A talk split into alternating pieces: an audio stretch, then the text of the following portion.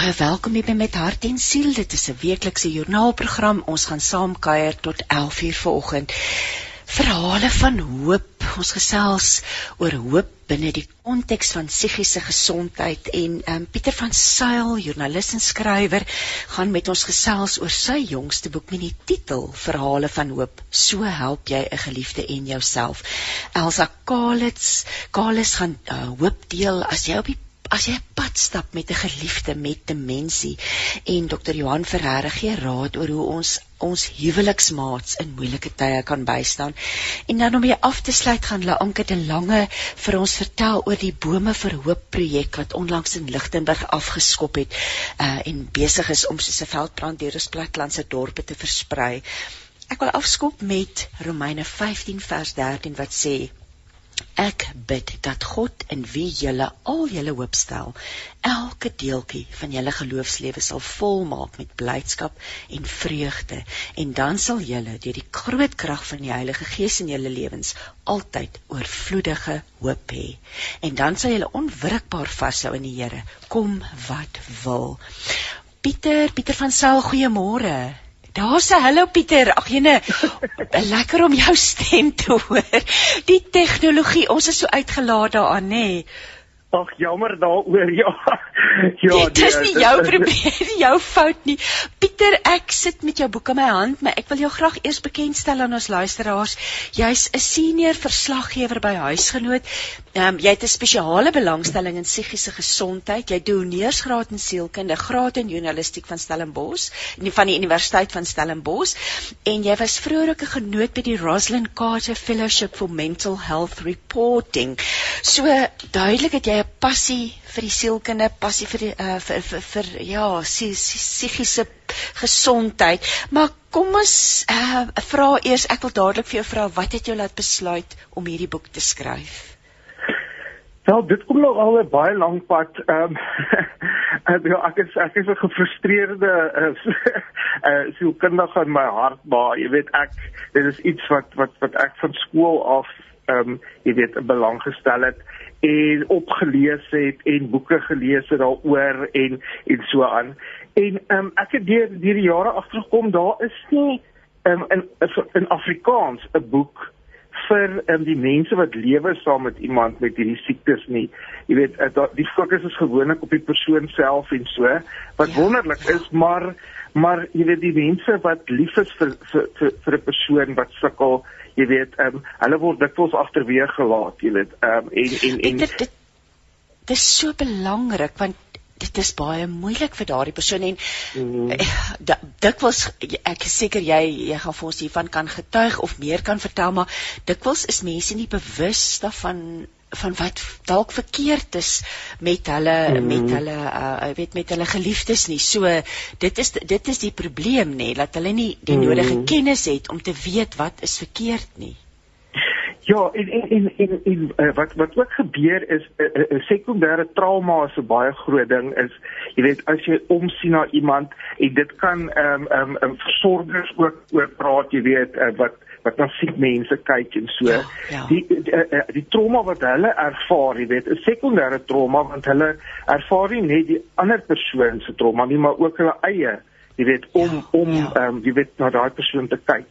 So ja, dit was iets wat my deur die jare opgeval het en so en toe ek nou ehm um, deur ehm um, SADC, South African Depressie en Angsgroep ehm um, toe die geleentheid kry om Amerika toe te gaan. Ek het baie saam met hulle gewerk, veral toe by huisgenoot begin werk het. Jy weet ek het dit het toe jy weet toe nou hoor ek het nou neergedoen sielkunde jy weet dompie jare terug toe hulle wat vir my die stories wat meestal gegee by huisgenoot jy weet um, wat met sielkunde of uh, jy weet te doen het en um en toe deur deur my werk uh, jy weet met met, met SADC het ek toe dan die geleentheid gekry om genoot te wees in um Atlanta Georgia waar waar oud president Carter uh, en sy vrou 'n uh, wonderlike werk doen ehm um, nog steeds. Hulle is in hulle 90s en hulle is nog steeds aan die gang. Maar in elk geval, toe ek nou ehm um, jy weet eh uh, uh, die geleentheid gekry het te gaan en ons almal moes nou 'n projek voorstel en ek het toe juist hierdie projek voorgestel, jy weet om met geliefdes te praat en so dit kom nou al van van 2007 af uh, wat ek navorsing gedoen het jy weet ek met mense gepraat het en inligting gekry het by hulle. En um, dit was veral vir my belangrik om baie praktiese raad in te samel um, omdat ek weet omdat ek weet hoe hoe hoe moeilik dit is jy weet om op jou eie ehm um, jy weet uh, na so geliefde om te sien of liefde wees vir so 'n persoon.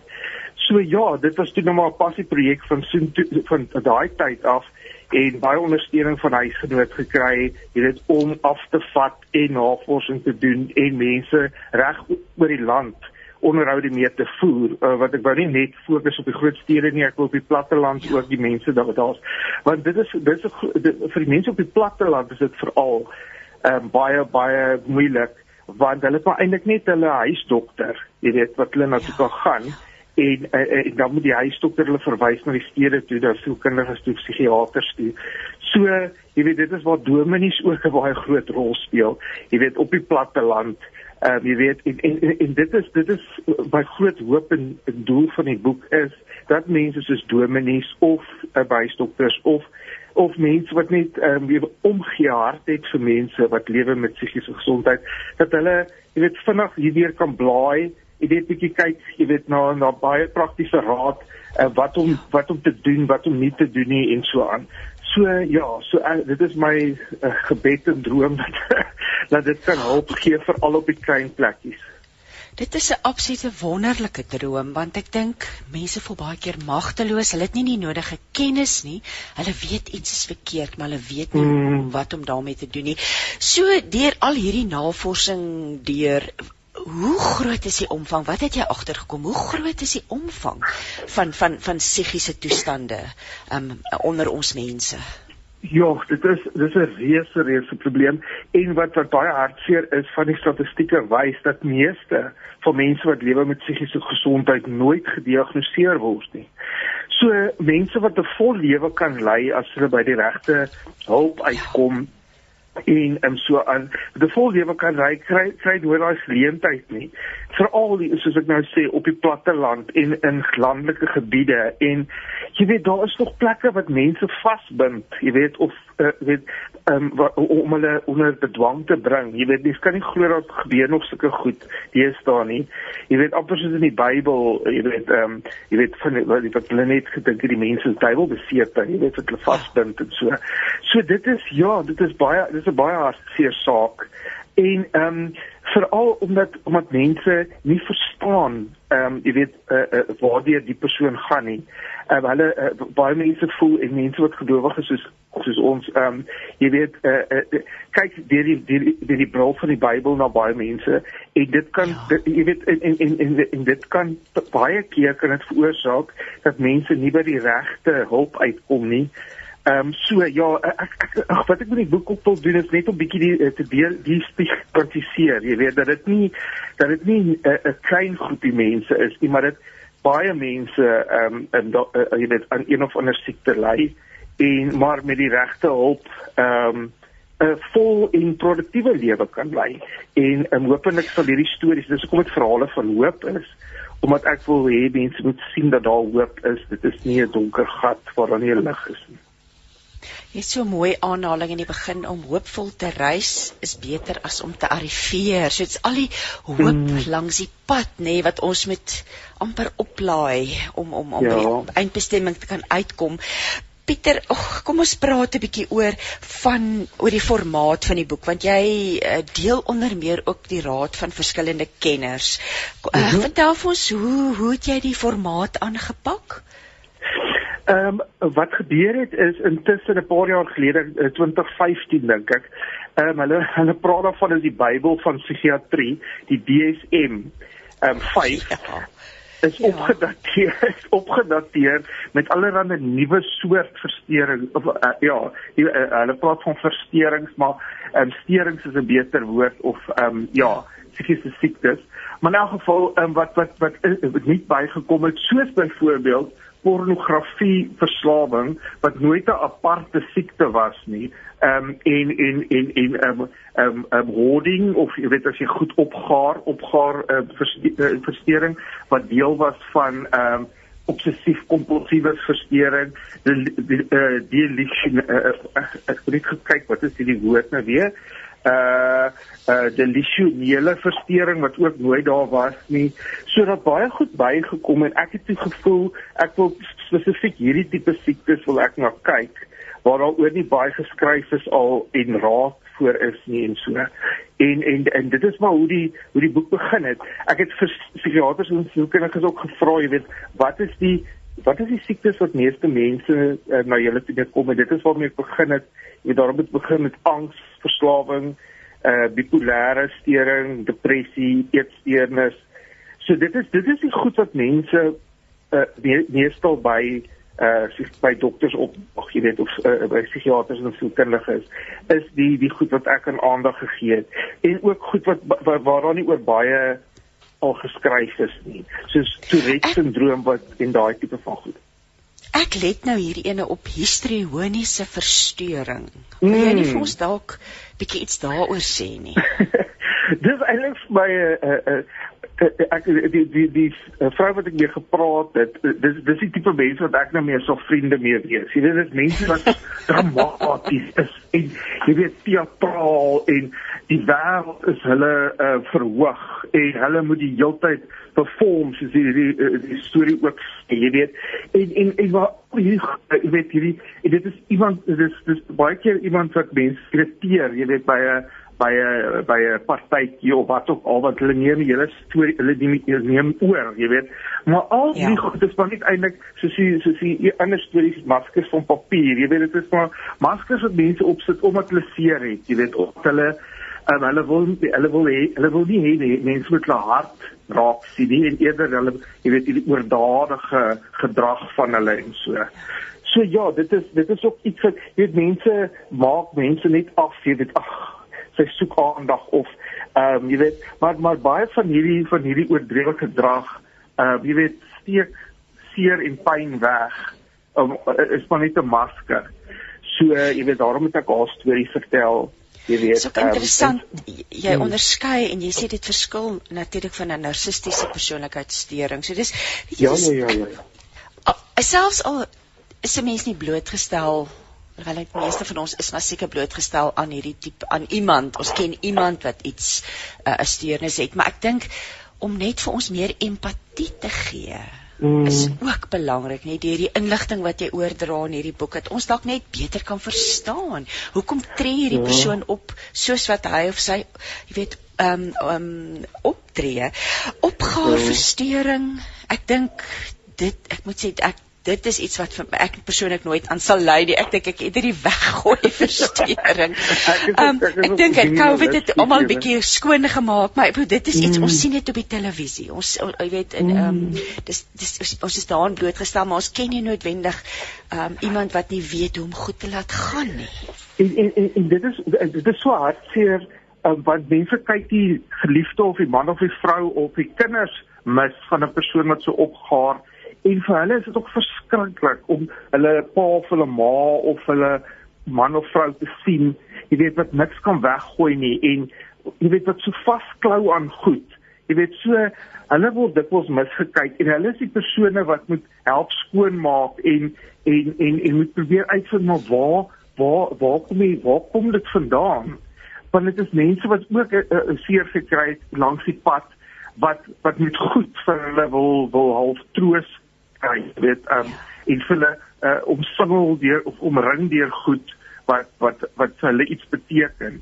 So, jy weet en en en ja, en ek het ook uh, uh, uh, die stories stories wat ek vertel, jy weet, uh, hoop ek sal dit vir mense wys dit is nie net 'n 'n nik of 'n jy weet snaaksigheid nie, maar dit is regtig um, iets wat uh, iets anders, ehm um, uh jy weet probeer gesond maak. So uh, ja. Maar Pieter is my interessant want jou jy jy begin kom ons kyk sê net maar angs. Ons gaan nou nou 'n bietjie mm -hmm. oor angs praat. Kom ons kies iets, iets anders. Kom ons sê depressie.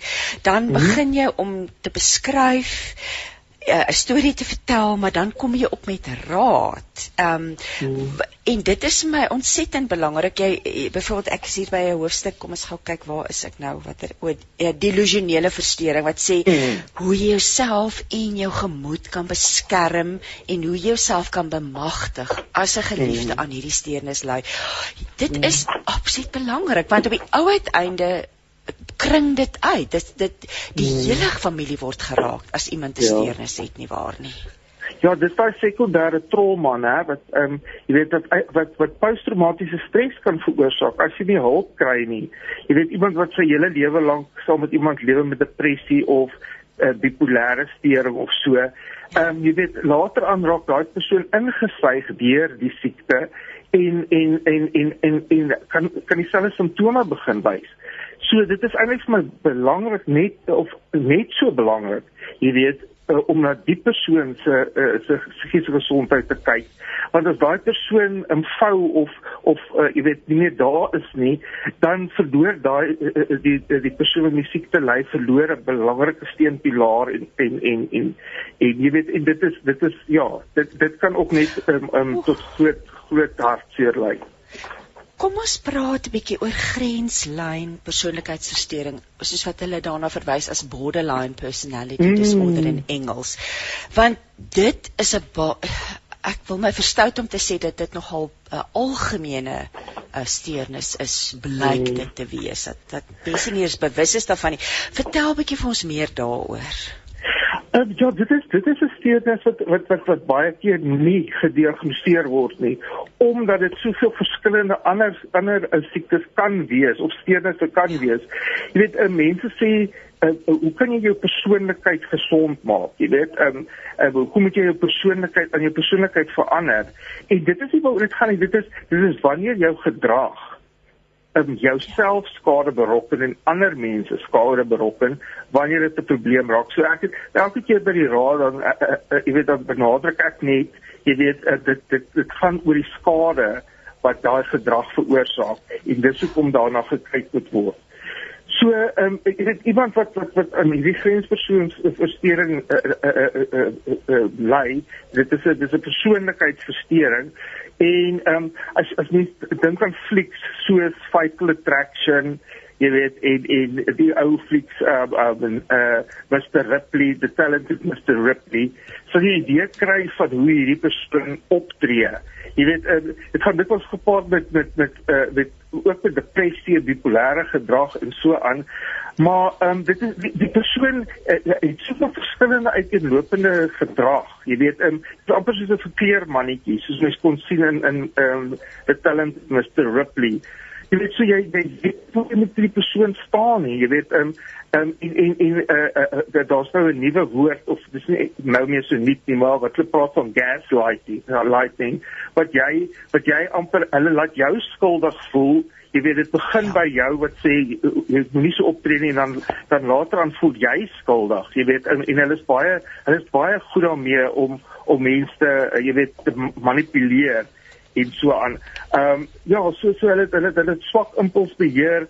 Ehm um, jy weet hulle Ja, hulle hulle hulle hulle doen wat hulle jy weet wat wat opkom. Jy weet daar en en hulle sukkel om om respekvol te wees en uh, met eerlikheid hulle hulle gedrag te aanvaar.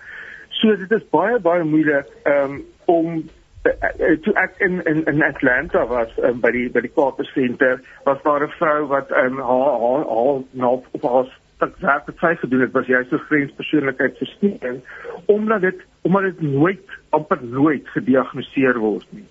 So dit ja. is dit is een van daai goed wat baie jy weet dit is dit vat 'n lang tyd om om agter die kap van die byl te kom. Ek het dit kinderges my vertel. Jy weet aan so veel uit die lopende verskillende gedrag is. Ek wil net vir ons luisteraars net uitnooi. Julle kan gerus saamgesels. Ons WhatsApp lyn is aan die gang. So, ehm um, asseblief laat weet vir ons as jy uh, dalk 'n vraag het of bietjie meer wil weet oor Pieter se boek. Hierdie is 'n eintlik 'n uitgebreide onderwerp. Ag, daar's so baie.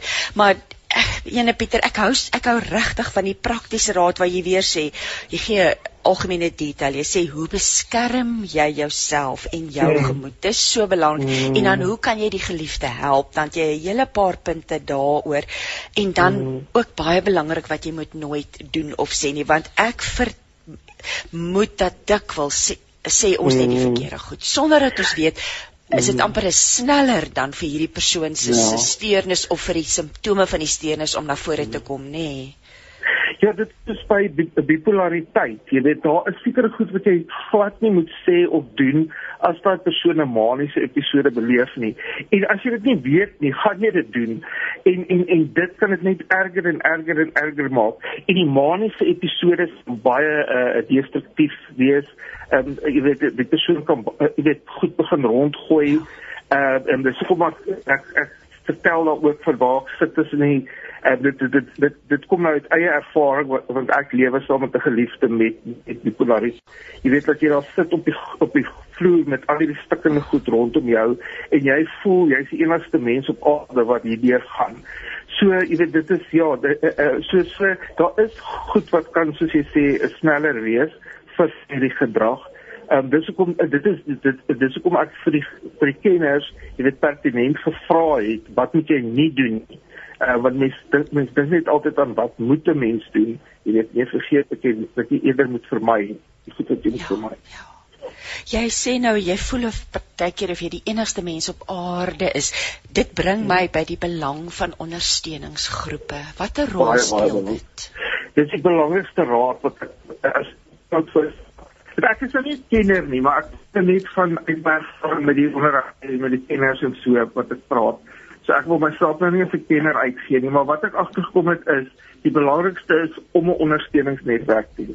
Jy weet as jy nou sit 4 uur in die oggend en jy was hierdie maniese episode en alles is stikkend gegooi in die huis en en jy's bang daar's gaan geweld uitbreek en so, moet jy iemand hê wat jy daai 4 uur in die oggend kan bel en sê luister hierso.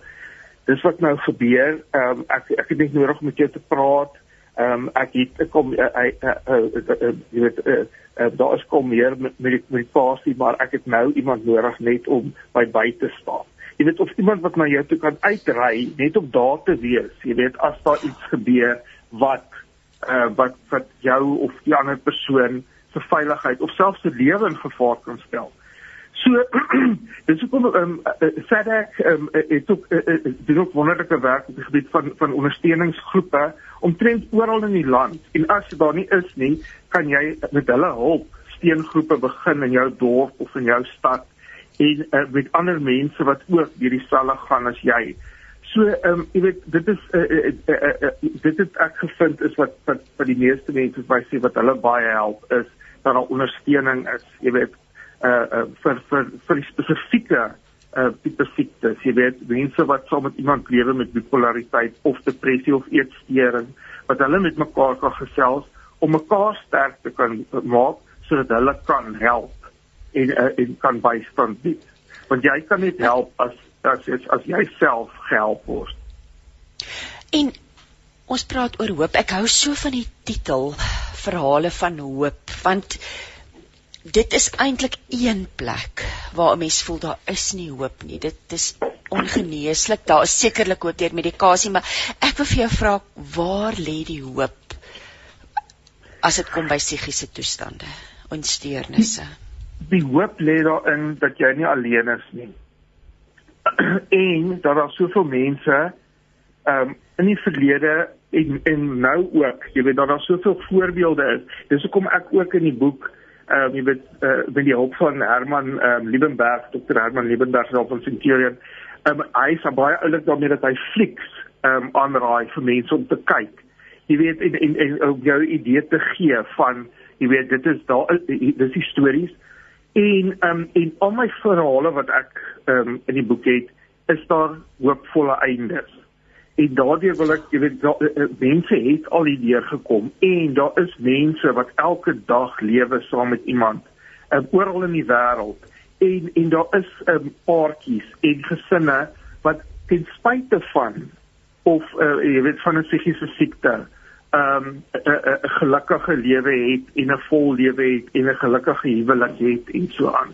So daar is soveel voorbeelde um, dat ons kan hoopvol wees want um, ons is nie alleen nie. Ja, dit is belangrik om te weet, nê, nee? en ehm um, die krag van gebed Ja, ja, ja. Kan ja. mens laat nie onderskat in hierdie ding nie en om self vir my is die belangrike ding dan wat jy gesê het heel in die begin weer, hoe help jy jouself? Want dit ja. help nie dat jy so verswel geraak deur hierdie hmm. persoon se se toestand dat jy self nie kan funksioneer nie. Ek ja. wil vir jou ietsie, ek wil vir jou vra oor oor erflikheid. Um watter hmm. rol speel ons gene as dit kom by psigiese steurnisse?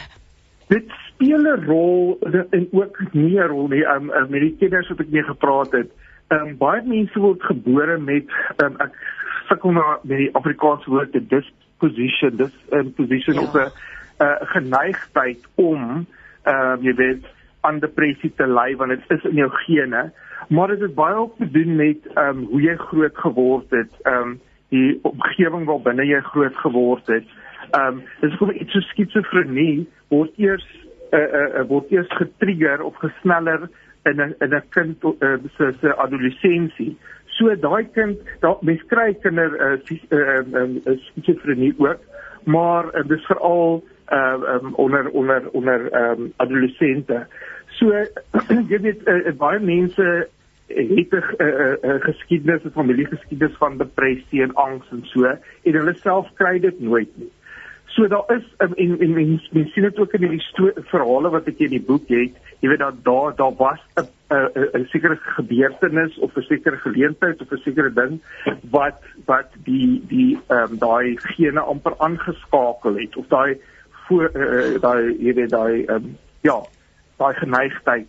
Ehm um, jy weet maar dit gebeur nie met almal nie. Jy weet jou sus jou sussie kry dit nie maar jy jy kry jou pa se depressie of of so aan.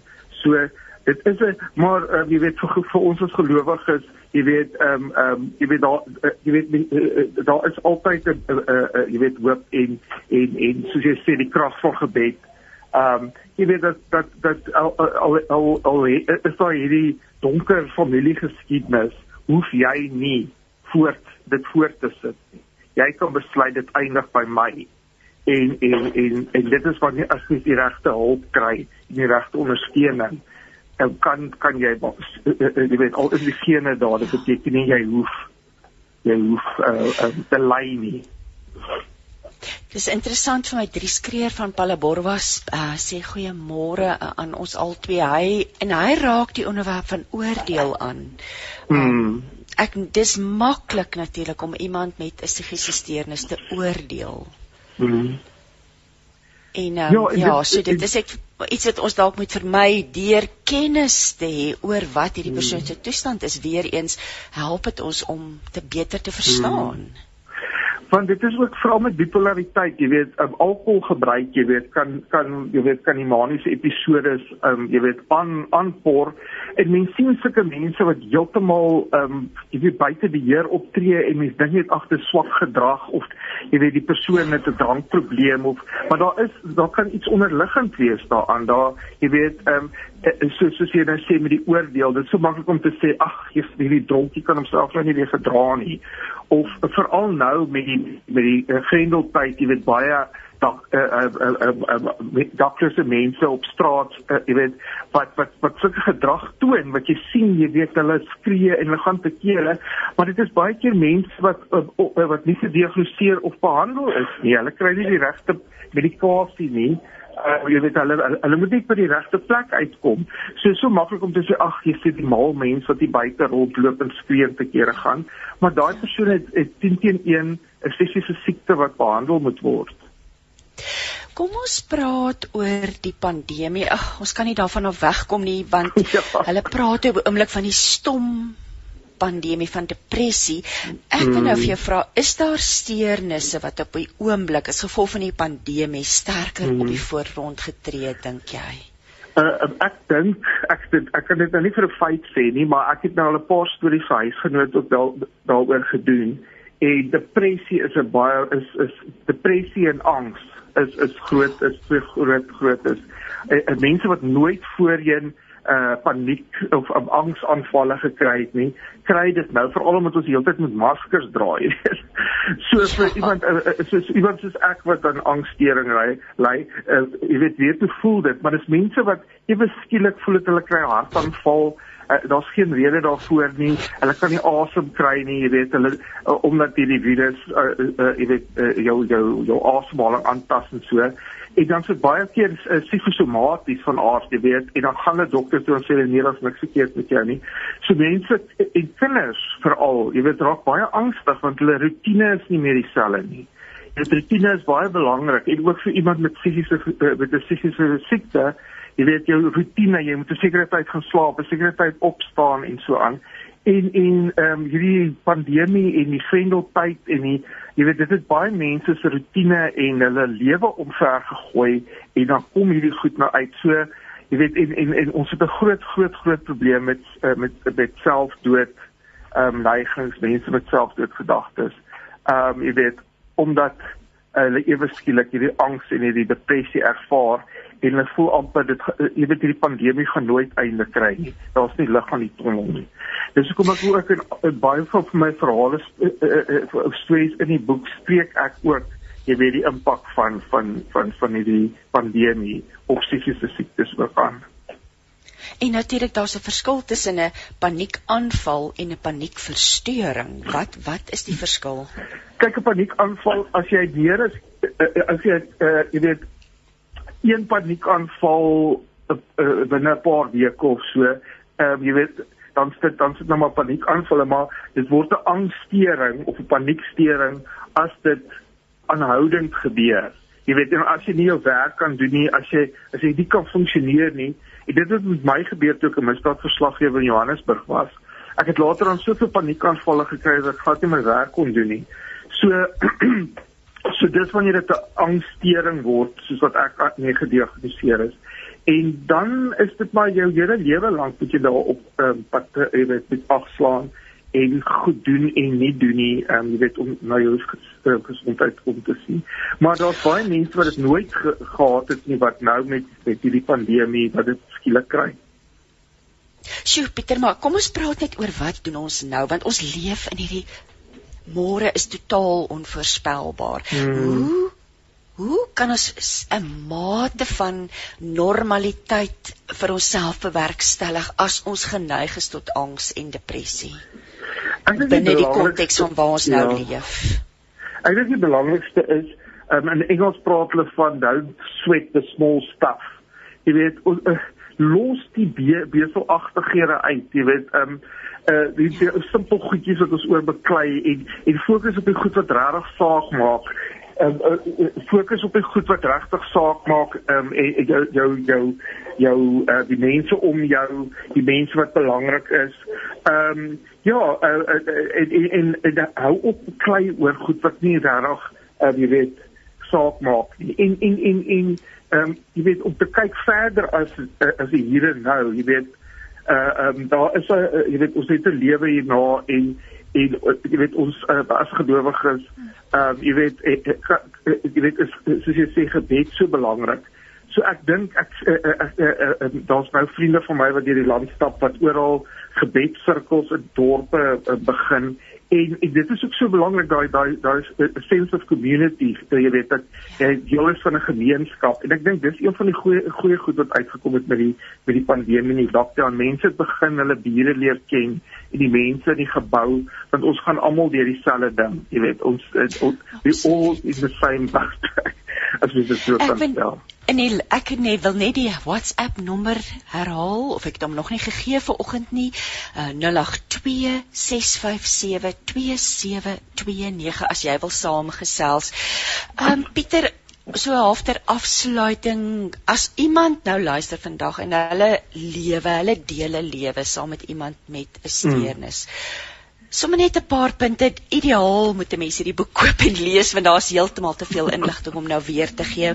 Maar dalk as hulle vandag voel daar is nie lig in die tonnel nie, hulle voel oorweldig deur hierdie ander persoon se se gedrag, se optrede, se die effek op hulle lewe. Net 'n paar punte wat dalk vir hulle lig in die tonnel sal kan gee, hmm. vir hulle sal hoop kan gee.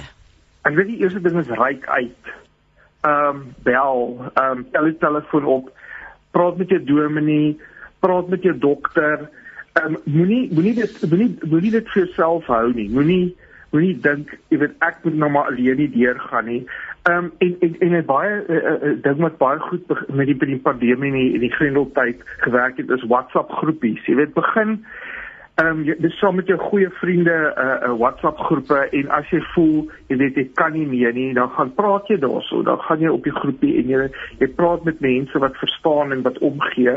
Ehm um, en en reik uit na na organisasies soos SADC. As jy op op die internet gaan en jy tik in the South African Depression and Anxiety Group, hulle het 'n uh, uh, uh, uh, lyste lyste met nommers wat wat wat wat noodnommers vir spesifiek as jy self doodgedagte het of so aan en ook uh, waar waar jy mense in die hande kan kry wat dieselfde gaan as jy.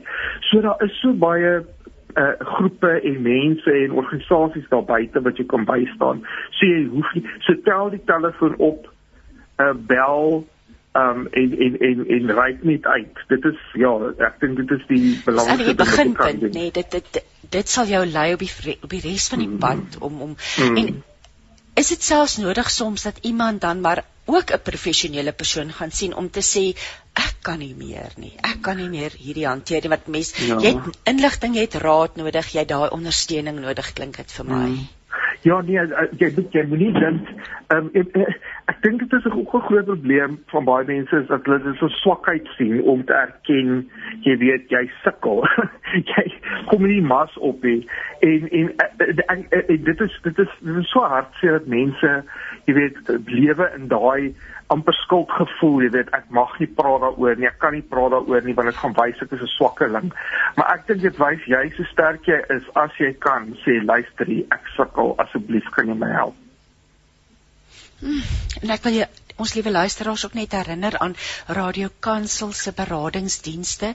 As jy kontak maak met Radio Kansel se kliëntediens of op die webwerf gaan kyk, um, kan jy ook inligting kry in hierdie tyd van die pandemie. Is dit meestal maar telefonies natuurlik en WhatsApp en en, en e-pos en so maar ryk uit. Pieter, jy het so waarding gesê jy's nie alleen nie. En ek dink hmm. As dinge sleg gaan, dan voel ons dikwels ons staan stoksiel alleen nê. Um, hmm. dat dat partyke selfs mens voel jou geloof raak swak, jy weet of mense sal mm. sê, maar jy glo nie genoeg nie of jy bid nie genoeg nie. Jy weet, ek dink bes met die volle prentjie sien en ek jo, ek wil jou gelukwens met hierdie boek regtig waar ek dink dit is 'n gepaste boek vir 'n tyd van hierdie soos 'n tyd soos hierdie. Um en en ja, ek dink as jy enigsins uh, uh die pad stap met iemand wat aan 'n psigiese siekte ly. Ehm um, jy sê ook uh, Pieter, dis 'n unieke pad. Al elke pad is uniek. So die roete hmm. is ongekaart en kronkel verby verrukking en verskrikking. En so ja. ehm ja. um, hierdie boek is dan geskryf vir mense wat wat jy hoef hierdie goed nie op jou eie te gaan hanteer nie en en jy kan hoopvol bly sê Pieter te midde van angs, verslawing, bipolêre gemoedstoornis, depressie, eetsteurnis, opgaar, ag al 'n lang lys. Pieter, waar kan mense die boek in die hande kry? Enige boekwinkel. Enige boekwinkel en um, hulle kan dit ook bestel by Lapa ehm uh, op die Lapa uitgewersblad ehm um, by Penguin ehm um, uitgewers ehm um, Lapa is nou deel van hulle so maar dit behoort dit by jy weet uh, by enige boekwinkel beskikbaar wees Jo en, en gaan jy hom in Engels vertaal Pieter? Dit lyk vir my so nou boek wat ja, mense in Engels ook wil hê. Ja, ag eh, eh, dit het jy in Afrikaans omdat ons agtergekom het daar is nie eintlik so boek in Afrikaans nie. Ah, maar okay. kom ons hoop maar kom ons hoop maar. Ag Pieter, hoorie, ek wil vir jou verskriklik dankie sê vir jou tyd vanoggend. Um, ek waardeer regtig waar um, ek glo jy's 'n besige persoon, jong joernaliste is ons maar nooit nooit stil, is dit nooit stil nie. Um veral in hierdie tyd en en dankie vir die, vir die hulp wat jy vir mense bied. Um en en en um ja, hier's nou iemand Johan Skollie wat sê die die dominee kan dikwels help behalwe as jy die dominee is. So dis nog 'n punt wat mens aanraak. Ook die ja, die, dis daardie ja, die, die die dominees en die sielkundiges mm. en hulle raak self oorweldig deur van ja, hierdie dinge. Ja, ja, ja. Ja, my pa self 'n dominee so um, daar in Roosendaal in die Vrystaat en ek het groot geword in 'n pastorie, so ek weet jy weet mm. hoe erg is dit vir dominees om so met soveel seer en hartseer te doen ja, te ja. ja. Ag Pieter, alles wat mooi is vir jou dag. Ehm um, mag die Here jou seën en mag jy regtig verrykende gevolge positiewe wonderlike gevolge sien ehm um, en vrug op hierdie op hierdie harde stuk werk. Baie dankie ek waardeer dit. Kom lewe die lewe op 657 Radio Kansel en 729 Kaapse Kansel. Jy luister nou met hart en siel. Ek is Christine Ferreira en nou gesels ek met Elsa Kalis. Môre Elsa. Goeiemôre Christine van 'n lekker pragtige Kaapstad. Hoorie, ek moet sê ons het nou vandag grys, grys hier in Gauteng, grys en koud.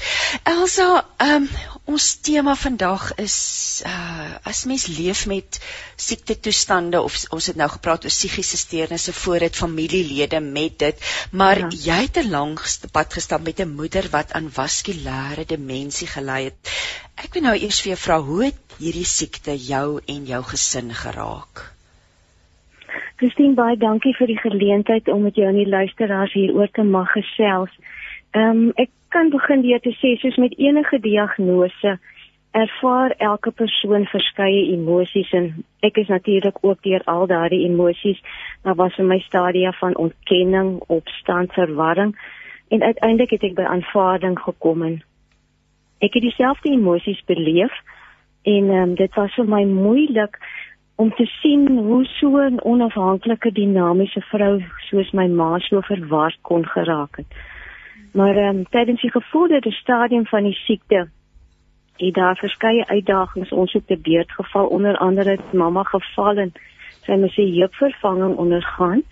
En toe was my man gelukkig afgetree en hy was vir my absoluut goud werd. En ons het van die begin af as 'n 'n familie en 'n gesin besluit dat ons hierdie pad van versorging as 'n gesin saam met mamma wil stap. En um, ons het ehm um, sulke wonderlike ervarings gehad ehm um, as 'n gesin wat versorging betref want daar is niks mooier as om iemand met liefde te kan versorg nie. En uh, wat vir my so wonderlik van my man was niks was vir hom te veel gevra nie. Jy weet daar was tye dat ons so 14 uur van 'n dag by mamma was na die heupvervanging want sy was natuurlik nie bewus dat die heup gebreek is en sy nie kon opstaan nie. So ons moes allerhande planne beraam saam met die bestuur van die huis.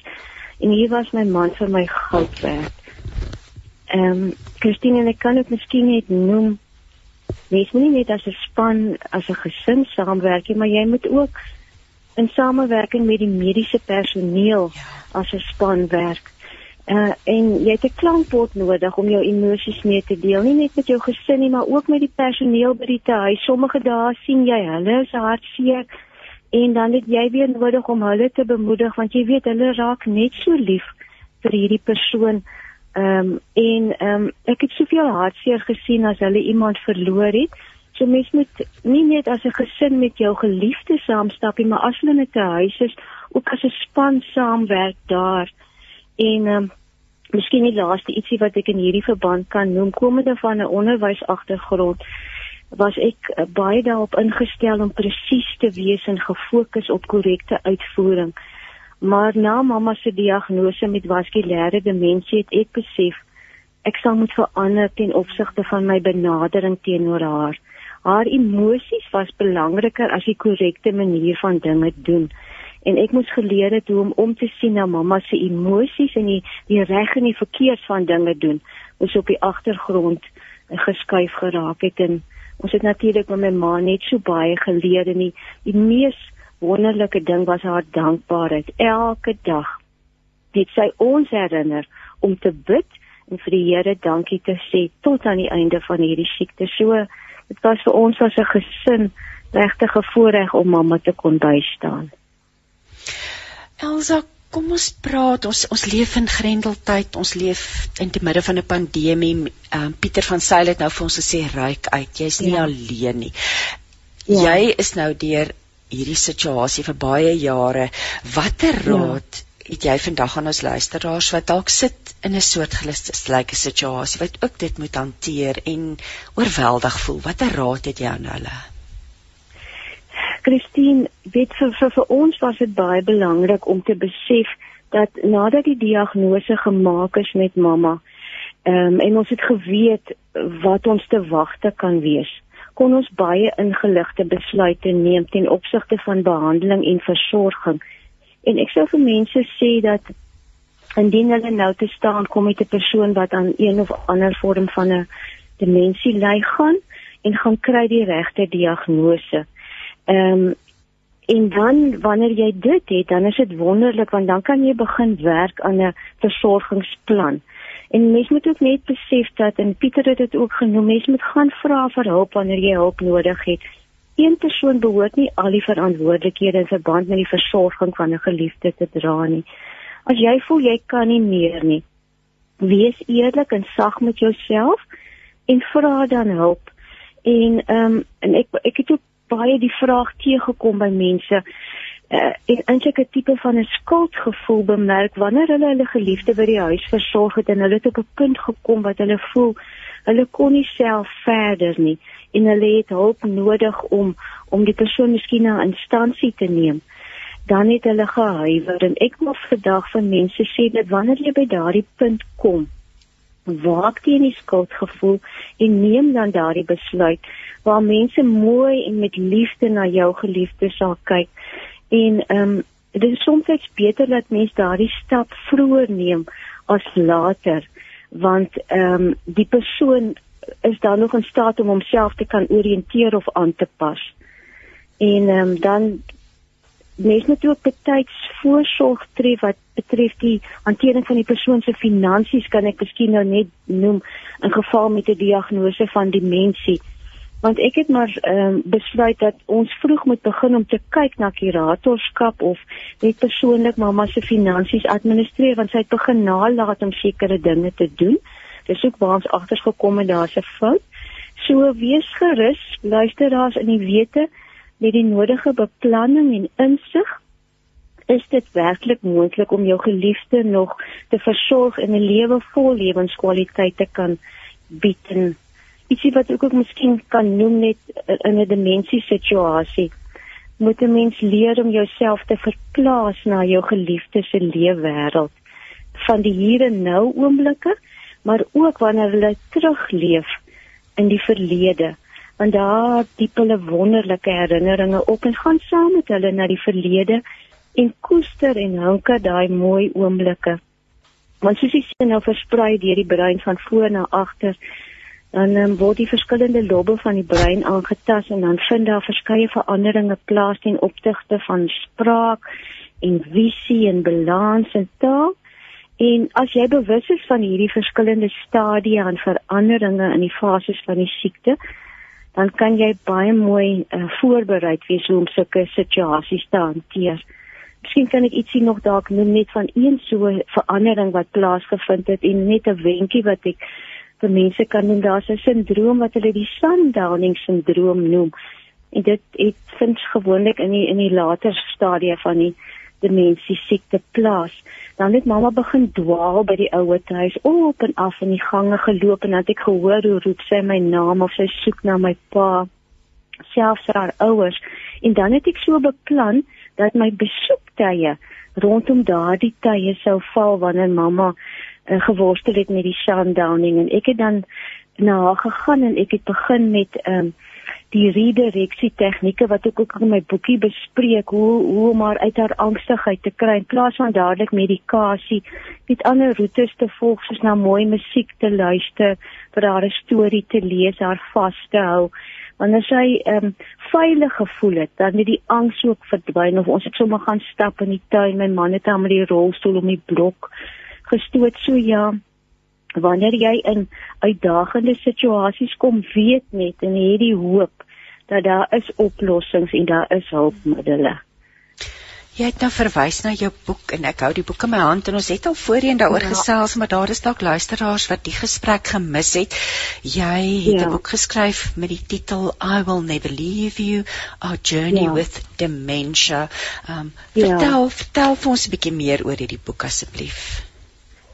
Um, dankie Christine. Ja, die boekie het ek geskryf na mamma oorlede is in 2017. Die die, die boekie het sy ontstaan gehad deurdat ek graag met met met lesers ons persoonlike ervaring wou deel en hoofsaaklik ook om die titel van die boekie I will never leave you versekering vir mense te bied dat die Here hierdie versorgingspad die hele pad saam met ons gestap en ek kon elke dag werklik staat maak op sy beloftes van krag vir my persoonlik as 'n versorger, insig, wonderlike mense wat hy op ons pad geplaas het.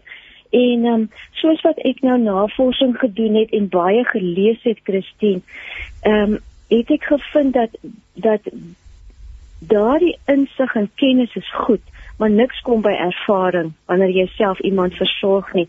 En ek wil graag met met lesers ons ervaring deel want dit het begin by die huis dat ek gevra het deur die bestuur om praatjies te gee aan die personeel en versorgers sodat toe uitgebrei na uitnodigings in in ander dorpe ander huise aan versorgingsoorde en selfs dementia SA het my genade en elke keer na ons 'n praatjie gegee dan daar uit die gehoor mense by my kom staan en vir my gesê, "Sjoe, Elsa, ons het maar net geweet het het ons ons geliefde anders hanteer."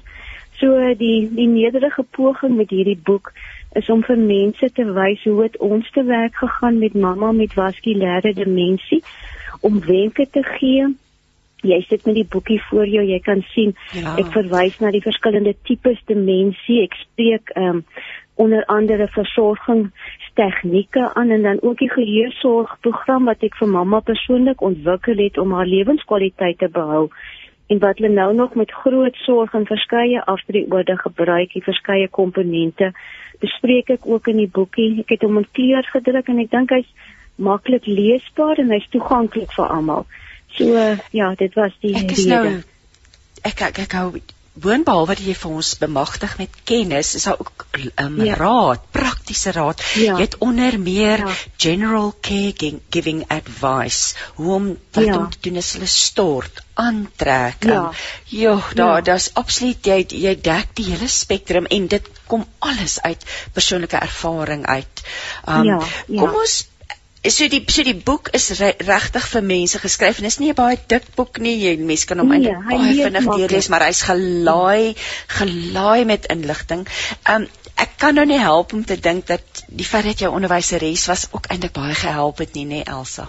Ja, ja, definitief Christine, dit het my die nodige insig gegee veral wanneer dit kom um toe ek nou begin het met die verskeie komponente inbring want ek kon duidelik sien hoe kon ek my ma stimuleer soos soos wat jy in die onderwys met kinders ook sal doen wat sekere uitdagings beleef en hoe die komponente net bydra tot 'n absolute volwaardige lewenskwaliteit wat jy weer kan herroep deur middel van kuns en die musiek is 'n absolute waardevolle komponent. En miskien kan ek net noem na die die die popterapie wat ons gebruik. Weet jy, ek het so wonderlike skenking gekry van iemand wat my bel en baie mense skepties wanneer jy praat oor popterapie want hulle dink, "Hoe kan ek dit met 'n volwassene gebruik?" En my ma het wonderlik gereageer daarop, veral ook wanneer daar waar daar aggressie oomblikke is en jy sou dan 'n pop in hulle hande sit, dan gee dit hulle 'n kalmte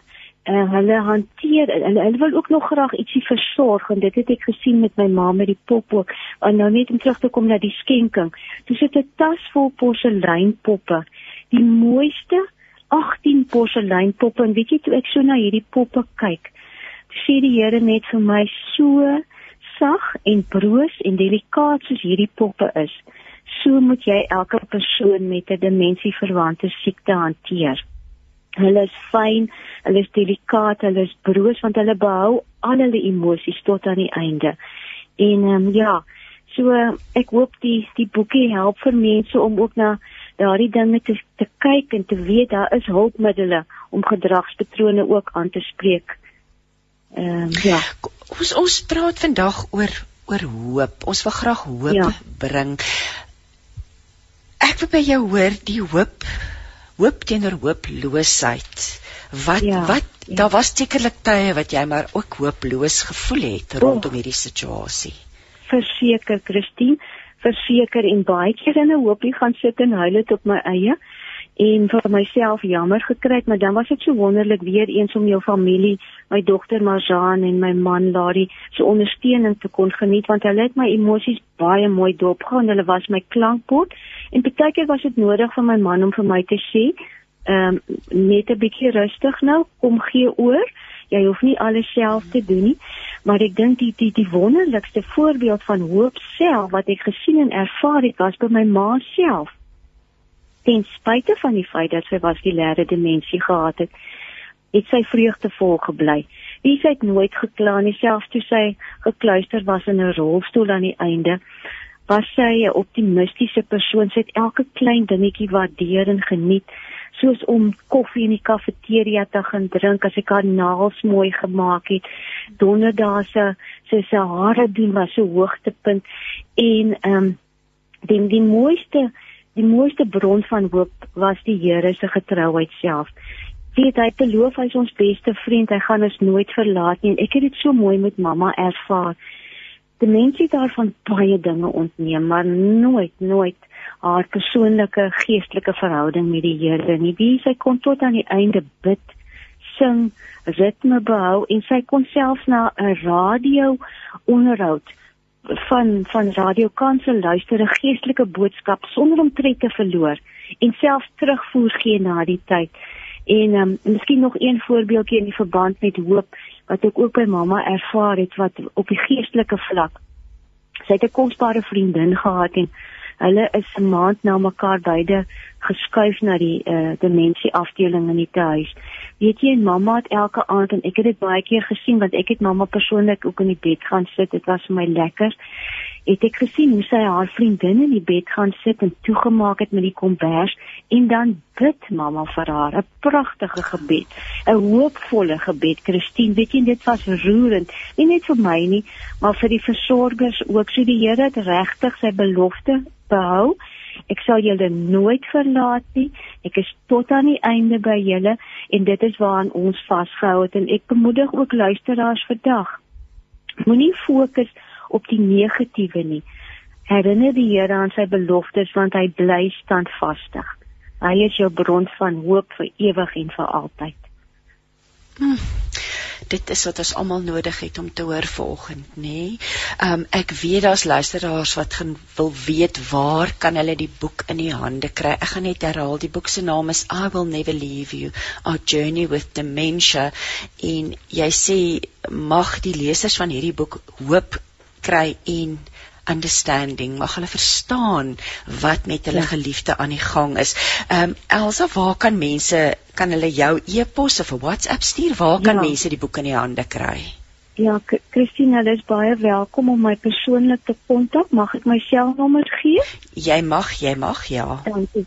071 688 7336 nie bloot net om die boek in die hande te kry nie, maar miskien is daar net iemand wat dalk nou in luister wat net met iemand wil gesels, wat net 'n uh, 'n uh, hartsaak wil deel. Hulle is welkom om my te kontak en dan ook 'n e-pos te stuur na my aan Elsa E L Z A My van is Carlos K A L I S alles klein lettertjies een woord @ gmail.com. Ek sien uit daarna om van luisteraars te hoor net om te gesels nie net noodwendig as hulle in die boekie belangstel nie, maar ek deel graag met hulle en graag sal ek vragies wil beantwoord tot die beste Ach, van my vermoë. Dis absoluut dierbaar van jou om aan te bied en ek glo daar's mense wat regtig nodig het om bietjie te gesels. Ek wil nou hê ons moet afsluit met 'n paar sommer net 'n paar persoonlike en geloofslesse wat jy uit hierdie reis uitgeleer het dat jy vandag met ons kan deel. Dankie Christine. Ehm um, weet jy ek, ek het dit al genoem maar ek herhaal dit weer. Ek dink die die persoonlike les was vir my om te verstaan dat die Here is 'n versorger en hy het vir ons almal die vermoë gegee en in staat gestel om te kan versorg. En as jy wil weet hoe om dit te doen, gaan kyk net na sy voorbeeld. Hy het soms net gesit by 'n groep mense. Hy het soms net geluister, maar hy was intens ingestel op hulle emosies. So ek het dit geleer as 'n persoonlike les dat ehm um, in 'n geloofsles die die die die waarde van luister jy luister jy werklik want ek kom so baie keer agter as mense met mense praat dat hulle bly gefokus op hulle selfoon of hulle dink aan ander dinge maar hulle is nooit ingestel op dit wat jy werklik sê nie En jy weet die Here is daar heeltyd en hy wag vir ons, hy luister na ons en hy wil hê ons met met ons met met ons met ons alles na hom kom en met met ons swaar en ons dankbaar en ons seer en ons blydskap want hy luister altyd. So vir my geloofsles is die Here is beskikbaar, hy luister, hy wag vir jou om met hom te gesels, maar ook die persoonlike les, hoe luister ek? Luister ek werklik? Is ek ingestel op sy stem? Is ek ingestel op my ma destyds se emosies? Sy het later het hulle het hulle nie die vermoë om mee te kommunikeer nie en ons het met die sensoriese stimule gekommunikeer, aanraking, klank, ehm um, kleur, uh, smaak. So mens mens moet mens moet baie ingestel wees op emosie wat 'n persoon kommunikeer sonder woorde, persoonlike les, geloofsles, luister jy en luister jy werklik? En hoor jy ook, hoor jy ook? Sjoe, Elsa. Wyse wyse woorde. Um slegs deur self swaar kry te beleef nê kan ons werklik met autoriteit ja. gesels. Um Elsa, ek ja. wil vir jou baie dankie sê vir jou tyd vanoggend. Um ons ons ons ons ek wil net herhaal, ek wil jou kontakdetails net herhaal. Dit is um Elsa Kalis met wie ek gesels het 071 688 7336 Elsa nooi ons luisteraars as jy ver oggend sukkel en jy wil graag net 'n bietjie gesels nooi sy jou uit om te gesels. Andersins kan jy 'n e-pos stuur aan Elsa E L Z A K A L I S @gmail.com. Elsa baie baie dankie vir jou tyd. Christine baie dankie dit was 'n absolute voorreg. Geseënde dag. Dankie Elsa totsiens. Totsiens. Kom lewe die lewe op 657 Radio Kansel en 729 Kaapse Kansel. Jy luister na met hart en siel. Ek is Christine Ferreira. Ons gesels vandag oor die dinge waarmee mense sukkel veral op uh, psigologiese vlak, op psigiese vlak. En nou gesels ek met dokter Johan Ferreira, 'n sielkundige van uh, Johannesburg. Môre Johan. Ja. Johan, ons leef in uitdagende tye. Waarmee sukkel mense die meeste by oomblik uh die wat jou spreekkamer besoek? Jong, ek dink um wat wat ek en my kollegas nou maar redelik duidelik sien, is dat daar 'n algemene oorweldigende um gees van moedeloosheid um jy weet um onsekerheid by mense lê. So almal het nog steeds hulle eie individuele probleme waarmee hulle oor die weg moet kom. Maar dat hierdie hierdie uitgerekte um aanhoudende onsekerheid wat die pandemie veroorsaak, mense se gemoed oor die algemeen baie baie negatief beïnvloed. Um almal het gehoop dat dit in hierdie tyd nou wyse wees dat daar beter oplossings sou wees um, kinders kry geweldig swaar studente, um, is almal moedeloos. Ehm um, vir die die die vooruitsig om om terug te keer na 'n redelike genormaliseerde lewe, dink ek is vir ons almal nou maar redelik in die spel. Ehm um, so dit wat ons sien is dat is dat mense ehm um, werklik waar met 'n met hulle hulle ons praat maar van hulle basislyn positiwiteit is baie laag. Ehm um, en dit dit beïnvloed ons ons veerkragtigheid um, met ander woorde kan ons herstel van wanneer dit met ons sleg gaan. Ehm um, soveel mense sterf in die proses. Ehm um, so daar's geweldig baie mense wat in 'n diep en 'n betekenisvolle rouproses nou is. En dit beteken dat ons ons behoefte aan ondersteuning baie groter is maar omdat dit met so baie mense so sleg gaan uh beleef jy wat mense ook dat hulle redelik geïsoleerd is in hierdie proses. Johan, jy het 'n boek geskryf met die titel vir mans waarin jy spesifiek uh dinge aanspreek waarmee mans sukkel. Um Kan jy vir ons so ietsie in breë trekke hieroor sê asseblief? Ja, weet jy, um, ek het nog gaan kyk na na wat die verskillende afdelings is waar in ehm um, mense oor die algemeen, maar dan nou spesifiek mans mee um, sukkel in die lewe en dit opgedeel in in 'n paar kategorieë. Ons het eers na verhoudingsuitdagings gekyk. Hoe mans ehm um, jy weet die die uitdagings wat hulle in die lewe tans beleef spesifiek tot hulle verhoudings ehm um, met hulle lewensmaat, met hulle vriende, jy weet met hulle ouers. Ehm um, dan het ons ook gekyk na die die element van verslawing. Dis iets wat ons as sielkundiges heelwat mee te doen kry dat mense wat eintlik hoogs funksionerende individue is en eintlik 'n suksesvolle lewe het tog wel ook met verslawing sukkel. Goed soos pornografie verslawing verslawing aan tegnologie alkohol ehm um, ek weet ehm um, mense wat wat aan dubbel verslaaf is. Ehm um, dan het ons ook gekyk na na gemoedsprobleme. Ehm um, wat natuurlik in hierdie tyd wyd en algemeen voorkom mense se angsvlakke wat geweldig hoog is ehm um, mense wat aan sosiale angs ly, ehm um, prikkelbaar en geïrriteerd leef.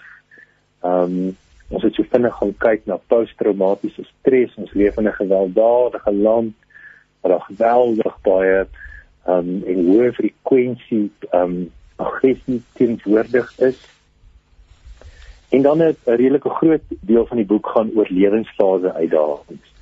Ehm um, wanneer ons in sekere dele van ons lewe verkeer, ehm um, dat ons dat ons dan tyd spesifiek ehm um, sekere keuses moet maak ehm um, in ons in ons jonger dele van ons lewe waar ons loopbane moet kies, wanneer ons 'n lewensmaat moet kies en dan wanneer ons middeljare betree, hierdie tradisionele ou middeljare krisis wat mans beleef. Ehm um, en dat dit 'n baie sigbare proses kan wees wat aan die buitekant plaasvind. En dan sommige mans het baie stil maar 'n betekenisvolle intrasigiese proses waarin hulle wonder oor die betekenisvolheid van hulle lewe en hulle keuses wat hulle gemaak het tot ons hier by aftrede kom en ons eintlik effektief moet beplan hoe ons daai deel van ons lewe gaan doen en dan die laaste deel van die boek gaan oor traumatiese ervarings jy weet wanneer wanneer ons ernstig siek word, ehm um, wanneer ons kind dalk sterf, ehm um, so enige enige traumatiese ervarings wat wat in verskillende dele van mans lewe kan plaasvind. Die boek is geskryf vanuit die perspektief van 'n man. Dis gewoonlik 'n man wat sy storie vertel, dan is daar 'n raad wat jy die leser mee bedien, maar Ek het nou hier oopgemaak by 'n baie interessante hoofstuk. Die titel is My vrou reken ek is depressief. Nou, ek wil nou vir jou vra want ons praat hier oor twee goed, oor die depressie en oor my vrou reken ek is, maar is daar oor die algemeen 'n gebrek aan begrip by vroue as dit kom by die uitdagings waarvoor waarvoor waarvoor mans te staan kom? Ja, ek wil nou nie almal oor dieselfde keer nie, maar dit is sekerlik 'n persentasie van vroue wat wat eintlik min insig openbaar in terme van dat mans werklik deur die volledige spektrum van emosies en ervarings en uitdagings kan gaan as wat vrouens gaan. Dit net omdat mans tradisioneel minder emosioneel voorkom of noodwendig minder praat oor hulle emosionele belewenis ek kan glad nie dat hulle dit nie voel nie. So ehm um, ek probeer dan ook om om vrouens aan te moedig om meer hieroor uit te vind uh sodat hulle met groter empatie en groter wysheid ehm um, kan verstaan dat al word dit nie geverbaliseer nie, gebeur dit tog wel met met mans ook. Ek ek dink definitief mans gebruik deesdae baie meer ehm um, 'n konteks soos om na sielkundige toe te gaan ehm um, omdat jy weet daar daar daar's meer insig daar's minder stigma daaraan betrokke ehm um, so dit beteken nie noodwendig dat ons swak is of dat ons dat ons faal wanneer ons ons eie foute kan raak sien maar dat ons meer effektief moet leef en En dit beteken ons moet meer effektief in ons verhoudings met ons vrouens leef. So ehm um, vrouens se insig in terme van wat met hulle mans aangaan is ongelooflik belangrik want dis die dis die primêre plek waar hulle terugvoer kry oor ehm um, oor dit wat mense in hulle lewe waarneem. Ja. Kom ons praat oor die depressie. My vrou reken ek is depressief. Wat is die gevaartekens um, as iemand in jou nabye gesinskring um, moontlik aan depressie ly? Ja, kyk ek dink dit is belangrik dat mens dat mens spesifiek sal onderskei tussen 'n kliniese depressie, iemand wat kronies aan depressie ly en 'n um, reaksionele depressie.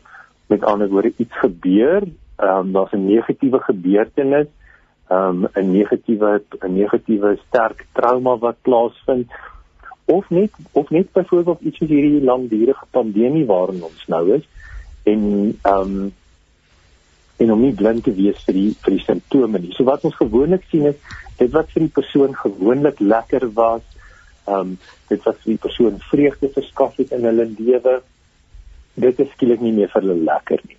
Daar daar ontwikkel 'n breë veralgemeende patroon van van ehm um, afgestomptheid, gebrek aan plesier, ehm um, die persoon konsentreer nie meer so lekker nie negatiewe denke ehm um, die persoon is eintlik meer as gewoonlik prikkelbaar of geïrriteerd ehm um, so daar's so 'n halwe negatiewe atmosfeer wat rondom die persoon begin hang. Ehm um, hulle kan 'n slaapstoornis ontwikkel so of hulle kan glad nie meer slaap nie of hulle wil die hele tyd slaap. Ehm um, die persoon se eetlus kan versteurd raak. Ehm um, weer eens die twee pole waar die persoon heeltemal nou aan die eet raak en hulle self eintlik probeer beter laat voel deur kos. Ander mense hou gewoon heeltemal op met eet. So as jy een van die twee pole begin waarneem, ehm um, is dit maar 'n vraagtekentjie rondom dit. Ehm um, en en dan die die die negatiewe selfspraak, dit wat die persoon oor hulle self sê. Ehm um, is ons maar daai eerste tekens daarvan dat iemand se gemoed nie meer gesond is nie. Ehm um, dat ehm um, dat daar dat jy weet iets neurologies in die brein net nou begin verkeerd gaan of omdat die chemikalieë in die brein eintlik maar altyd 'n bietjie gedisreguleer het of omdat dit nou in reaksie is op dit wat nou met die persoon gebeur het. Ehm um, so om maar gewoonlik te dink om jou te vra hoe is die persoon gewoonlik versus hoe ja. is die persoon nou? En natuurlik as 'n mens ingestel is op mekaar dan uh, merk jy tog dinge op. Ek wil nou vir jou vra.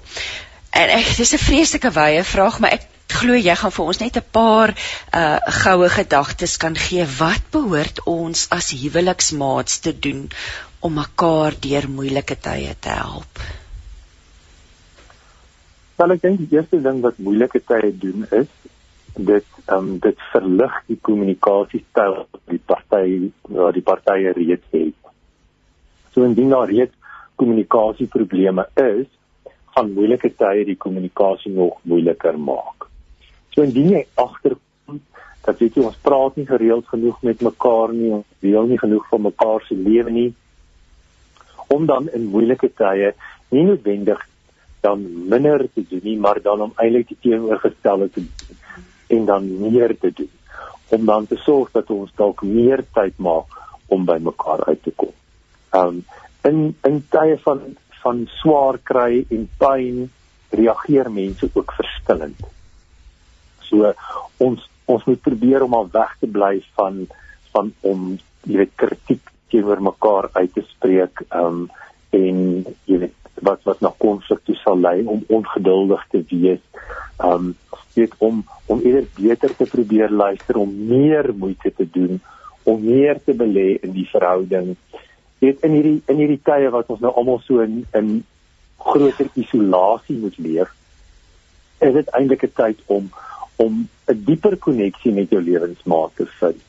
Om te weet dit is nou net ek en jy um en en om dan die moeite te doen om te herontdek dit wat vir ons lekker is om dalk nuwe inhoud in ons verhouding in te bring of om na die na die ou goed te kyk wat nog altyd daar was maar wat ons dalk afgeskeep het omdat ons so besig geraak het met kinders en loopbane en en ons eintlik nou tot ons voordeel hierdie tyd van isolasie kan gebruik net om net om weer 'n herkonneksie met mekaar te vorm. So eintlik moet ons regtig hierdie tyd tot ons tot tot ons goeie tot nut gebruik. Ons moet ons moet dit regtig gebruik om ons huwelike te bou eerder as om dit te laat afbreek want dit is so maklik dat dit afgebreek kan word, nê? Want daar's byvoorbeeld finansiële bekommernisse by baie mense. Kom ons ja. praat 'n bietjie hoe hanteer 'n mens dit as bron van konflik in in 'n huwelik? Ja, kyk, weer eens, ehm um, jy weet eh, kommunikasie bly maar die bly maar die antwoord. Ehm um, sodra daar 'n uh, een of ander probleem op die raad verskyn, ehm um, moet mens maar jou jou eie persoonlikheidstyl en jou maat se persoonlikheidstyl in ag neem. Sommige mense is natuurlike kommunikeerders, so hulle wil graag die feite op die tafel hê. Ander mense wil eers die antwoord intrasegies uitwerk vir hulle self voordat hulle dit met hulle lewensmaat deel so belangrik om te onthou dat dat mense verskil in terme van hulle behoefte van hoe om die probleem aan te pak. Ek wil met jou praat ook oor dat ewe skielik woon mense saam weer in die huis. Ehm um, kinders is wat eintlik op universiteit was, is terug in die huis. Hmm. Hulle studeer van die huis af by tye. Eh, alles is so onseker. Wat is die dinamika in die gesin of of, of wat kan 'n mens doen binne die gesin om te sorg dat dit konflikvry bly, dat dit vredevol bly al gaan dit buite so rof? Ja, konflikvry dink ek is is dalk 'n bietjie optimisties. Ehm um, jammer, so min as moontlik nou, konflik. Ja, nee, ek dink dit kan 'n doelwit wees. Ek dink nie dit dit moet 'n dit moet iets wees wat ons moet moet, moet ons kan dit nastreef. Ons moet nie hoop daarop dat dit nou dat ons dit nou definitief gaan bereik nie, want want veral om volwasse kinders terug in die huis te hê, is maar 'n groot uitdaging. Ons moet maar in gedagte hou dat hulle nog steeds ons kinders is maar dat hulle nie meer kinders is nie. En jy weet 'n kind wat 2, 3 jaar lank al op universiteit was en nou skielik weer terug in die huis is, gaan self persoonlik baie stres beleef in terme van vryheid en onafhanklikheid en onafhanklike keuses kan uitoefen. So ons as ouers moet dit tog nou maar in gedagte hou en en jy weet net 'n raamwerk in ons kop daar kry van weet jy hierdie hierdie is nie meer 'n kind nie. Ek kan nou nie ek kan nou nie meer sê wat die kind moet doen nie. Ek kan maar riglyne gee. Die opvoedingsstaak is seker nog nie verby nie, maar dit moet op 'n ander manier gebeur. Ehm um, dan in terme van van jy weet groter volume tyd saam met jou lewensmaat. Dan kyk moet mens nugter oorweet dat daar sekere punte van stres is wat net op die op die horison gaan verskyn en om dit dan maar net deur te praat en te sê wat sou 'n praktiese oplossing hiervoor wees. Ons hoef nou nie dag en nag mekaar se oë te sit en staar nie. Ons kan ook met ons eie goed besig wees en om dan met 'n praktiese reëling by die huis te tref dat ons daar nou nie by dieselfde lesenaar hoef te sit en werk die hele dag as dit nie vir ons werk nie. So om kreatief te wees en prakties te wees, maar dit dan ook dan nou as 'n voorreg te beskou dat ons nou wel hierdie tyd kry om te sien maar wat gebeur met ons Ehm um, dit is dit is maar 'n voorspeller wanneer ons nou dalk eendag gaan ophou werk en ons nou in mekaar se geselskap die hele tyd gaan wees. So dis 'n goeie oefenloopie. Ehm um, en en 'n groot deel van die wêreld gaan mos nou maar wees soos ons hom nou het. Ehm um, net baie meer mense gaan van die huis af werk. So mens moet maar die aanpassings maak op 'n manier wat vir ons albei gaan werk. En ek wil nou vir jou vra, joh, dis woorde van wysheid asseblief aan aan iemand wat vandag luister, ek glo daar's talle persone wat wat luister en net voel hulle is totaal oorweldig deur hulle omstandighede. Uh, wat wat se raad kan jy gee?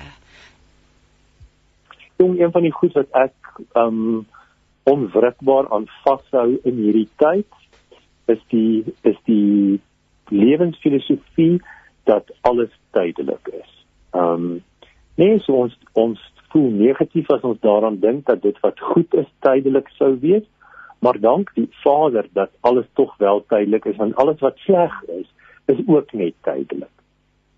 So om om te verstaan dat ons nou te midde van 'n krisis, te midde van 'n pandemie is, te midde van onsekerheid is om om vas te maak aan die realiteit van die situasie. Om nie en of dit te misken of dit te probeer minimaliseer nie. Moenie maak asof dit nie so is. So dit is die eerste belangrike ding is om deel met die realiteit van wat ons in in is op die oomblik. Maar dan weet ons ook die tydlyn wat ons daaraan gegee het is miskien nou foutief bereken, maar dat uiteindelik sal dit ook verby wees. Dus daar moet 'n hoop wees. Daar moet 'n daar moet 'n 'n idee wees dat uiteindelik sal sal ons hier iets uitgeleer het en sal die liewe Heer beloof ons mos nou hy sê mos nou dat alles in ons lewe wat vir ons sleg is as ons dit by hom kom neersit dan sal dit ten Daar sê, o, Jenetjie, ons het nou vanoggend tegniese probleme. Ehm um, ek wou nog verder by Johan gehoor het oor wat kan ons doen as ons oorweldig voel. Ek dink uit ons uh, gesprekke vanoggend het dit baie duidelik gekom dat ons moet vashou aan die Here. Ehm um, Romeine 15 vers 13 sê vir ons, hou vas en ek is julle hoop, maar wees ingelig, wees bewus van wat om jou aangaan. Ryk uit na ander mense. Kyk vir Johannes terug op die lyn. Hallo Johan. Ek is terug, skies, ek het julle verloor, Aaron. ons het vandag tegniese uitdagings. So, ons is besig met hierdie uh, gedagtes as jy oorweldig voel. Wat wat kan jy doen? Ja, ek weet nou nie waar my in my vreeslike toespraak het ek jou my verloor nie, maar ehm um, Jy het gepraat oor alles is tydelik. Jy het gesê alles is tydelik, dit gaan verbygaan. Ek hmm. dink ons het min of meer daar vir jou verloor. Ja, net net om om vas te hou dat dat um omdat ons as gelowiges weet dat dat ons het nie dat ons dat ons as gelowiges moet vashou aan die wete dat God alles vir ons ten goeie laat meewerk. Um maar dat ons realisties sal bly dat dat dat daar nog eers 'n 'n stuk is wat ons werklik moet beleef. Um en en en om met om om vas te hou aan die hoop dat dat God saam met ons in hierdie proses is of dit nou 'n verhoudingsuitdaging is en of dit nou die pandemie is en of dit nou die kinders is wat terug is by die huis en hulle is nie in die skool nie um, om om voortdurend na die positiwiteit daarvan te soek en dit is 'n aktiewe proses. Ehm um, jy moet dit met jou brein kies al is jou emosies jou oorweldigend op die oomblik. Johan, waar kan mense jou in die hande kry? Ek dink die beste is om maar vir my e-pos te stuur na johanf@mosaik.com. Daar sê so as jy wil kontak maak, ehm um, julle is vele is voltyds aan die werk ten spyte van alles.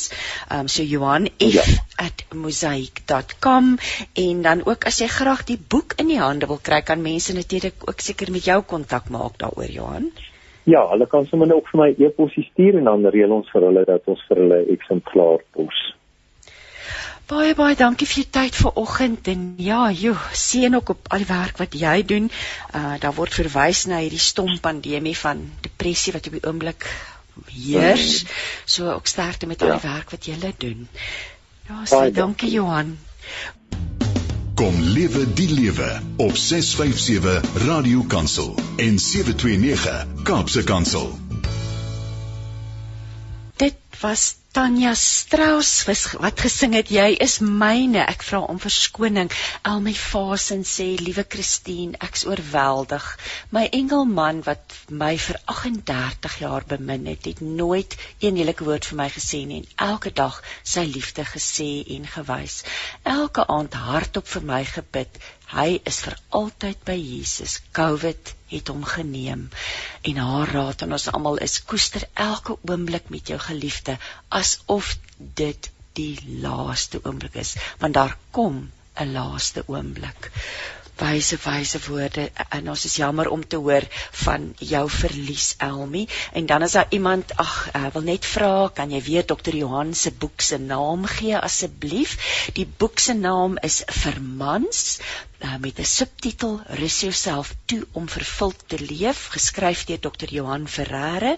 En jy kan die boek in die hande kry deur 'n e-pos te stuur aan Johan F @mosaik.com. Hy help jou graag daarmee. En nou gesels ons met Klaanke de Lange, um, iemand wat iets daadwerkliks doen om hoop te bring om hoop fisies vergestalting te gee in 'n moeilike tyd, 'n tyd wat dit so maklik is om hoop te verloor. Môre Leanke. Goeiemôre, hoe gaan dit? Goed, ek wil net eers dadelik hoor, spreek ek jou naam reg uit? Lianke. Lianke. Ja, dit is Lianke. ek het nog dit is 'n pragtige naam nog nooit daarvan gehoor nie. So dankie Baie dat jy nou my dankie. dat jy vir my gesê het Lianke. Lianke, jy het vir my 'n e-posie gestuur om vir my te vertel van die bome van hoop projek. Dit klink vir my dit het daar in Lichtenburg pos gevat nie waar nie. Yes, yes, dit dit dit het en dit is nie my projek nie. Ehm um, ons is 'n paar vrouens wat saam met die projek begin het en dis eintlik 'n amazing verhaal oor hoe dit begin het. Ag vertel asseblief vir ons meer. so basies wat gebeur het is ek sou nou lekker met vakansie gewees het by my ouers en by my vriende en so aan en ehm um, die woensdag voordat ons vlieg, toe sê die president ons kan nie Gauteng toe gaan nie en toe natuurlik moet ek my vliegtuigkaartjies kanselleer en ek voel so 'n bietjie hopeloos op daai oomblik. En ek sê te vir Here, Here, ek soek iets wat vir my weer hoop kan gee. Iets wat vir my kan help om om net weer te voel in hierdie pandemie is daar iets om voor te lewe. Ek voel ek is nog baie jonk en um dit dit dit voel vir my so asof mens jou jou jeugtigheid verloor want jy word vasgevang in 'n in 'n vertrek of in 'n huis of so.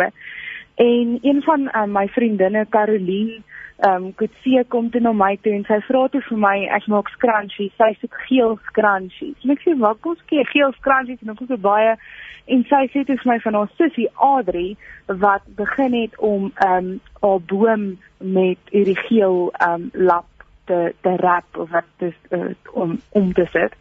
En ehm um, Adri het die idee gekry by Nadia wat die idee gekry het by Hoërskool Brits wat agter Laerskool Brits wat die ehm um, die kruise geversier het. En ek sê vir hoorie ek wil so graag deel raak van dit en sy sê vir my wel hier is 100 meter lap in my kar so dit vir my sny en um sy weet ek hou van skryf en te skryf ek 'n stukkie en ons het begin om om die bome te versier met hierdie lap. En dit het net vlam gevat en ek het die dag gery en ek sien toe in die straat is daar dis die winterseisoen daar's nie blare aan die bome nie. En ek sê vir die Here dit is waar ons nou is. Ons is nou in 'n winterseisoen van ons lewe. En elke blaar wat val is vir my soos 'n traan wat wat val van iemand wat 'n geliefde verloor het of iemand wat 'n geliefde het wat in die hospitaal wegverloor en ehm um, veg vir hulle lewe en ons het nou al hierdie bome omgedraai met hierdie geel nap. En elke blaar wat val en elke traan wat huil glo ek die Here gee vir ons hoop en hy gee vir ons die hoop om om aan te gaan om om te weet dat hierdie is ook net tydelik. Um, en ja dit dit dit was regtig dis dis glad nie my projek nie. Ons is vier vrouens wat saamgekom het. Um, pastoor Tarsha het ook deel geraak van die projek en ons het in die dorp begin en ons het net lappies oor mense se heininge gegooi en ek dink mense voel dat ons is verskriklik hoër en ehm um, nou het ons 'n Facebookblad en ons het oor die naweek al die 750 merk gevat en ons het mense in Somerset Oos, Somerset Wes, ons het mense in PE, Namibië, Botswana wat net gesê het ons wil deel word. Ons wil ook hoop saai in ons gemeenskap. So ja, dis die projek. Klein begin groot gewin wys net vir jou wat 'n enkele groepie vroue kan regkry. Um Yes. ek dink onmiddellik aan die liedjie Tie Yellow Ribbon. Onthou, is jy of is jy te jonk vir daai liedjie? Kan jy hom nie onthou nie? ek ken hom, ek ken hom, ek het in 'n huis groot geraak wat ons altyd na seker musiek geluister het. So En ja. en natuurlik geel is ook die Pantone van die jaar. Dis dit en dit is vir my so mooi.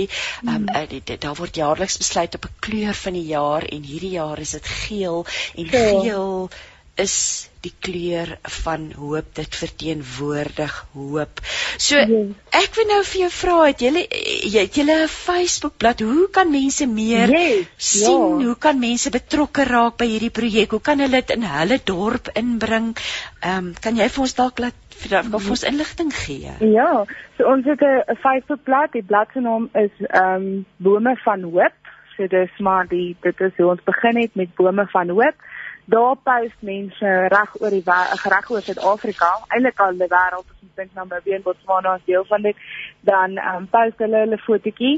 So ons het een van twee maniere. Of jy gaan winkel toe jy koop 'n geel lap en jy stuur vir my 'n e e-pos, ek sal nou my e-posadres gee en ons stuur vir jou die kaartjie van hoop via e-pos en ehm um, jy sit die lap om jou boom en uh, dis regtig hoe meer bome daar is, hoeveel meer ry jy of jy gaan stap en jy sien nie die op die hoop en as jy 'n oproep gekry het van iets wat moeilik gebeur het of wat ook al, so die doel is dat al die bo bome in die dorp vol hierdie vol van hierdie geel lappe sal wees. So die eerste manier is jy kan vir my e-pos stuur en dan stuur ek vir jou die pamfletjie en die kaartjie en die hele hoop boodskap agter dit. Of die tweede manier is ons maak pakkies op, ons koop self die lap, ons sit die papiertjie in, ons sit vir jou spykertjies in en ons koerier dit vir jou waar ook al jy is. Dis nie 'n winsgewende organisasie nie, dit is regtig net om hoop te saai. So, dis die twee maniere. Wat kom gee net asseblief vir ons die die e-posadres dan asseblief. Okay. So dis die lange D E L A N G E. Punt L E A N K E @gmail.com of ek kan myself Jy moet nou gou weer vir my sê eh, die die lange dot L E N L E A N K E O, la anke, li anke. Li anke, ja. ja. @gmail.com. Daar sê so dalk mense kan jou daar kontak. 'n WhatsApp stuur en my selfoonnommer is 073 Ek weet net dit herhaal 073 409 409 5994 Daar sê so as jy wil deel word van hierdie bome vir hoop projek, kan jy vir Lianke kontak by delange.len.a nee, nee, nee. Nee. L E A N K E. Yes. @gmail.com. oh, Lianke, Mandy sê dankie. Ja, ons vrouens het kaalvoet oor die Drakensberge getrek en ai geel is my gunsteling kleur. Sy sê baie voorspoed met die met die projek. Mag die Here se goedheid en guns julle agtervolg. Jesus liefde baie van dankie. Mandy af. Ek wil nou ook vir jou vra hoop, wat beteken hoop vir jou persoonlik, Lianke? Weet jy, ek dink um ek was in 'n ek ek ek persoonlik dink hoop is die wete dat die son môre gaan skyn en en die, die son is ook geel en geel is ook geel goud is die koninkrykskleure so ek dink hoop is nou om te weet dat ten spyte van wat uitdraai of wat gebeur um, weet ek God is met ons en God is by ons en um, ons hoef nie bang te wees nie en um, daai briefie wat ek vir jou gestuur het wat ook op die kaartjie is is so mooi wat wat Joe Black sing aan die einde en hy sê hoop steek jou hande uit na mekaar. Hoop is die stem wat sê as jy moeg is sal ek jou dra. En ek dink dis om ook mekaar te dra in hierdie tyd en vir mekaar liefde te gee en ondersteuning te gee En as ek mag sê saam met hierdie hoop projek het eh, Caroline ook 'n verskriklike oulike inisiatief gehad om bottels van hoop neer te sit. So as jy weer daar's 'n gesin in jou gemeenskap wat swaar trek en 'n ouer of 'n kind of iemand wat COVID het, dan vat jy 'n bottel en jy vul hom vol geel goed. Chomps, ehm um, sweeties, suurlemoene, wat ook al geel is in jou huis en jy gaan sit dit neer en jy lei die klokkie en jy jy hardloop. en jy los daai bottel van hoop daar vir die persoon en Caroline en Persia en Nadia is veral besig met hierdie bottel van hoop. So dit is deel van die projek van bome van hoop net om om uit te gaan en te sê hoorie ons is hier ons is ons is saam in hierdie ding niemand van ons kan sê dat ons nie iemand al verloor het of iemand ernstig siek gehad siek is aan aan COVID nie So ons is almal saam in die ding. Um en dat ons mekaar sal ondersteun en dit is my hoop om ook te weet God dra my, maar ons dra ook mekaar. So dit is my hoop vir my. Ja. Ag, oh, wat 'n fantastiese projek en so maklik om deel te neem. So maklik. Oh, ek wil almal aanmoedig. Weet jy al sit jy net 'n sakkie suurlemoene neer, 'n mm. mandjie suurlemoene uit jou van jou boom af. Boom Dit hoef nie ja. iets groots te wees nie. 'n Stukkie geel lappie. Mm. Daai stukkie geel verteenwoordig ons ewige hoop en dit Nee. Johan tereg gesê het, hierdie gaan nie vir ewig aanhou nie. Dit Ja. gaan verby. Hier is iemand wat sê ehm um, uh, sy wil graag net weer jou telefoonnommer hê. Uh sy sê hulle noem dit tok tokkie. Ek jy bring nou die Tok-tokkie. kinder daar terug. Mandy, ek gaan die nommer weer lees. Ek weet nie of jy nou 'n pen het nie. Ek kan dit ook vir jou tik. Dis 073 4095994. Ehm um, ja, dit is dan Lianke se nommer oor die projek van hoop. Ag, wat 'n wonderlike wonderlike projek. Ek moedig almal aan om deel daarvan te word. Lianke, baie dankie en Facebookblad, asseblief hou ons op hoogte. Ehm um, ons gaan sal. ook kyk op die Facebook bladsy um, om te sien. Uh, so gaan plaas jou foto as jy sommer op jou eie begin deelneem met aan hierdie projek, die Ja. bottel van hoop of 'n boom van hoop. Ehm um, gaan plaas dit op daardie Facebook bladsy bome van hoop. En ek wil Lianke, graag, al- sorry as ek nog een dingetjie mag sê, ek wil graag vra as daar iemand is wat dalk die inisiatief in dorp self wil neem en sê hoorie, kom ons kry en dan koerier ons klomp pakkies as hulle dit self wil doen is hulle ook meer as welkom om ons net 'n likeie te gee of te kontak of wat ook al en ons stuur dit vir jou of ons stuur vir die PDF file en jy hardloop met die projek in jou dorp. So, asseblief, al die eh, dorpe raak betrokke.